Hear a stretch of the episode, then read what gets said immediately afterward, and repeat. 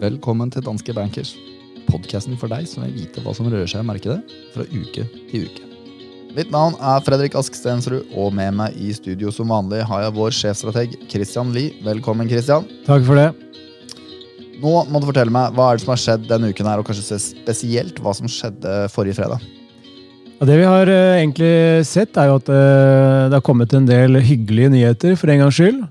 Og det har bidratt til det kraftige løftet vi har sett i, i aksjemarkedene også de siste 30 dagene.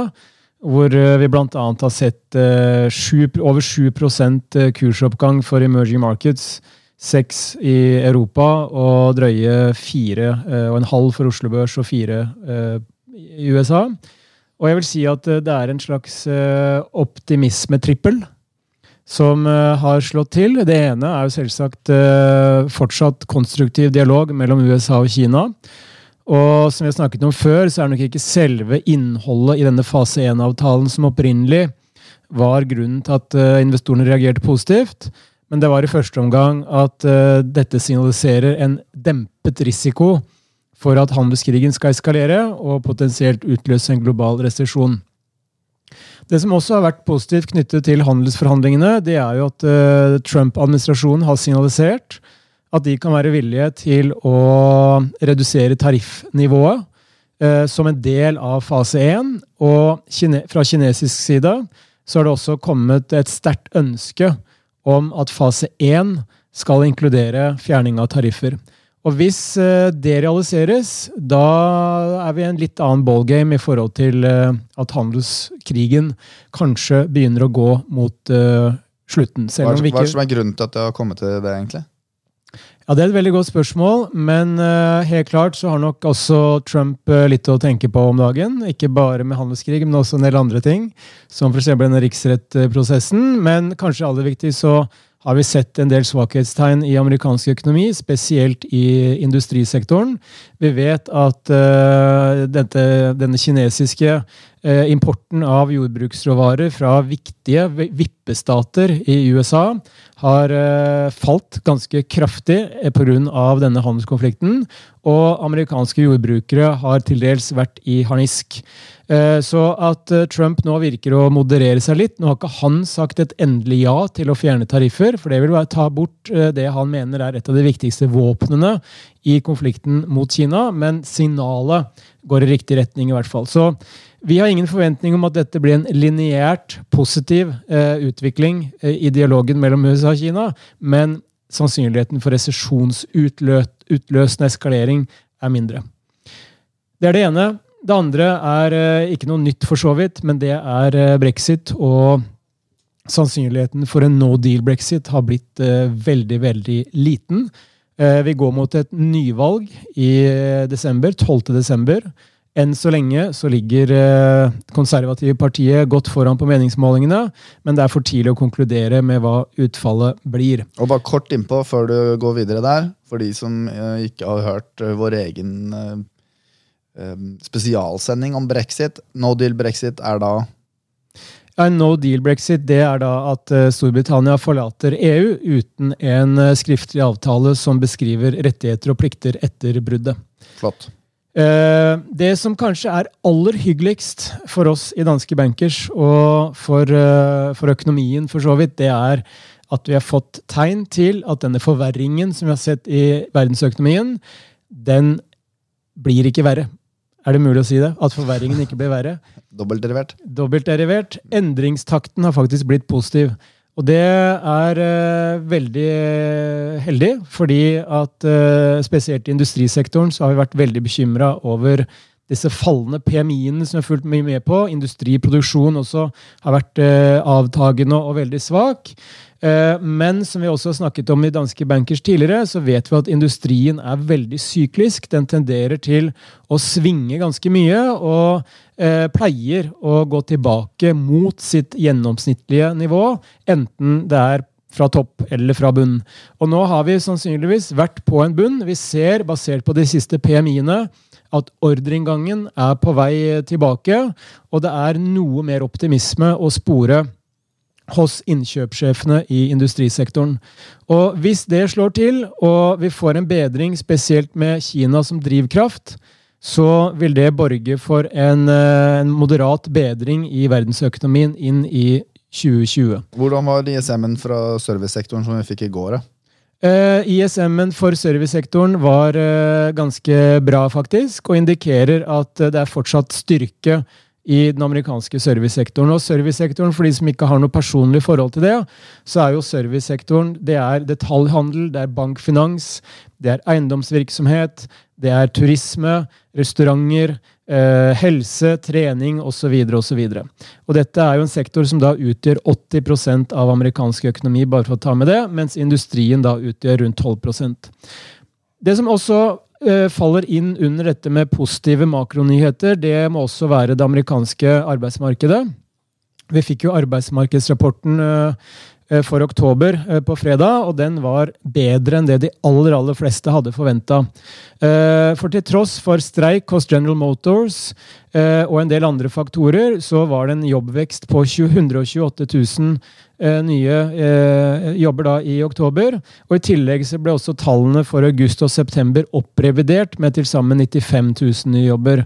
Så i motsetning til det mange sånne ledende indikatorer har vist, eh, altså stemningsindikatorer hos innkjøpssjefene, hva de sier om sysselsettingsplaner fremover osv., som har vært ganske svake, så holder det amerikanske arbeidsmarkedet koken. Og det er så viktig. Fordi Hvis vi ser på BNP-veksttallene som vi fikk fra USA forrige uke, så viste de 1,9 annualisert eh, vekstrate. Det er ikke sånn der, akkurat noe, noe fest eh, å snakke om, eh, og i hvert fall mye mindre enn det Trump lovet skulle bli over, godt over 3% BNP-vekst mens han var president. Så var dette i hovedsak drevet av det private forbruket.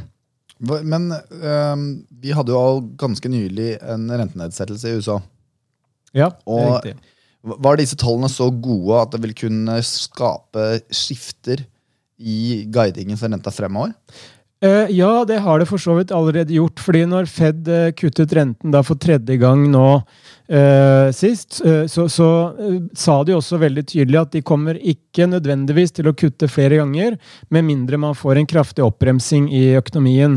Og Det som overrasket også mange når Fed da kuttet renten nå, det var at de la litt vekt på denne fase 1-avtalen som vi snakket om innledningsvis i dagens episode, eh, mellom USA og Kina. Og selv om dette er en avtale som ennå ikke er underskrevet av Xi Jinping og Trump, så uh, la altså Fed vekt på at uh, impulsen fra handelskonflikten kan bli noe mindre negativ til amerikansk økonomi fremover.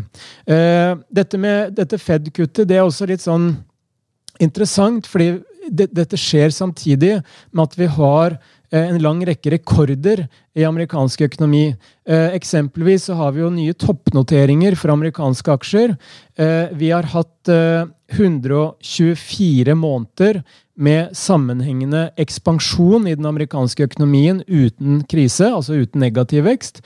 Og vi har også hatt 109 strake måneder med sysselsettingsvekst eh, i, den amerikanske økonomien. Alt dette er har aldri skjedd tidligere over så lang tid.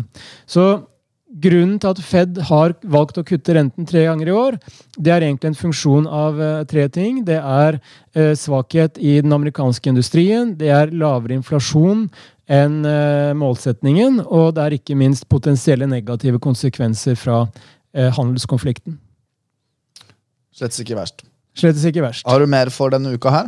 Ja, det, det jeg tenker litt uh, er avgjørende nå. For nå har vi sett altså aksjemarkedene stige kraftig gjennom året. Uh, og amerikanske aksjer, europeiske aksjer er opp uh, 23-24% eller noe sånt nå siden årsskiftet. Og det begynner å ligne på avkastningsmessig det samme som vi så gjennom 2017. Og 2017 det var jo faktisk et år hvor vi hadde en synkronisert oppblomstring i verdensøkonomien, og med påtagende lite risiko og lite eh, å bekymre seg over, egentlig. Det har det absolutt ikke vært i år, men likevel så har aksjemarkedet også steget så mye. Vi skal huske på at årets begynnelse var Eh, på et bunnivå etter turbulensen i fjerde kvartal i fjor. Det skal vi også ta med oss når vi ser på avkastningstallene. Men likevel så må vi også ta hensyn til at en del av den bedringen i politikken eh, med tanke på handelskonflikt og brexit, og de eh, lyspunktene vi ser i økonomien, det må vi anta nå er priset inn i kursene. Og det betyr at selv om vi i Danske Bank fortsetter å tro på en moderat fremgang for aksjemarkedet over de neste tolv månedene, så vil en, en vesentlig eh, oppdrift eh, herfra forutsette ny og positiv informasjon som vi ikke har ennå.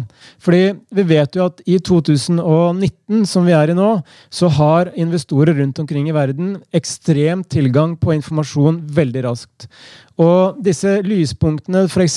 fra eh, enten det er fra tysk eh, ordreinngangen til tysk industri eller kinesiske PMI-er osv., så, videre, så er jo dette noe som man rekker å forholde seg til ekstremt raskt, og som da eh, prises inn i markedet også ganske kjapt. Så selv om vi ser bedringstegn i økonomien, så betyr ikke det at aksjemarkedet skal stige i en rett linje oppover fremover, fordi vi må se flere positive tegn. Vi må få flere eh, gode nyheter som bekrefter at verdensøkonomien er på rett vei. Jeg kjenner at jeg må skaffe et lydklipp av Mario Draghi som jeg må spille av hver gang du har denne type monologer. Christian. The risk is on the downside. Ja, eller kanskje risk is on the upside i det øyeblikket. Det får vi se. ja, okay. Eh, hva er det som skjer neste uke? Ja, Neste uke så har vi eh, en del spennende nøkkeltall. Men jeg vil trekke frem eh, forbrukertillitstall som vi får nå på fredag, altså denne uken her fra USA. Og grunnen til at de er viktige, er det henger igjen sammen med arbeidsmarkedene. Det henger sammen med privat forbruk. Fordi historisk, når vi har sett at eh, jobbveksten i USA er sterk, så tenderer det til å gi eh, optimistiske forbrukere, og omvendt. Og fortsatt så ser vi jo sterk jobbvekst, og forbrukertilliten i USA er fortsatt på veldig høye nivåer, men den har falt litt tilbake. Så får vi se da med spenning på tallene som kommer på fredag. Eh, vi hopper raskt over til neste uke, og da godt inn i uka, til torsdag.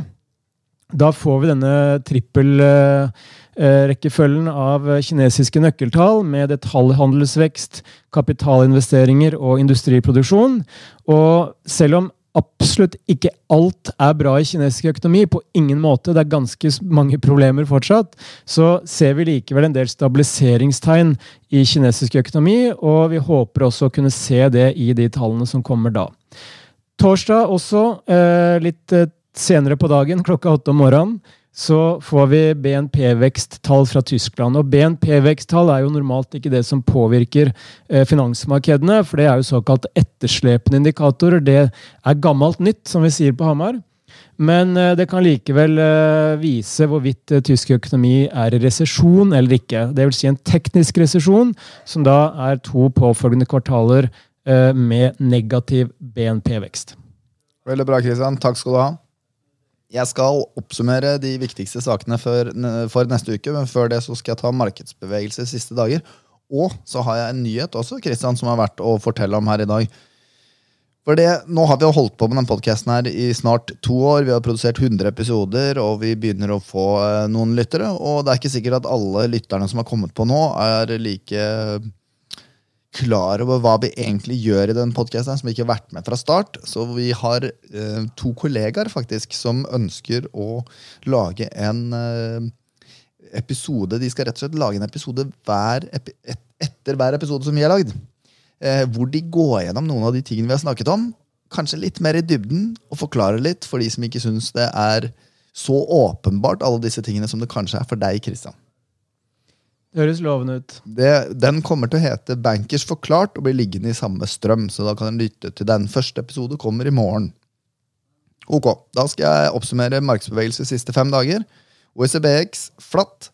SMP 500 opp 1,2% Eurostox 600 opp 1,3% og oljeprisen opp 3% De viktigste sakene for neste uke, eller nå faktisk først på fredag, så får vi eh, forbrukertillit fra USA klokka fire. På torsdag eh, midt på natta så får vi Kina-trippelen, som var industriproduksjon, detaljhandelsvekst og kapitalinvesteringer. Ja, industriproduksjon? Ja, du sa det. Ja, jeg ja. sa det. du husker godt? ja, Og på eh, torsdag så får vi også klokka åtte om morgenen BNP-vekst fra Tyskland. Det var alt vi hadde i ukens episode av Danske Bankers. Vi høres.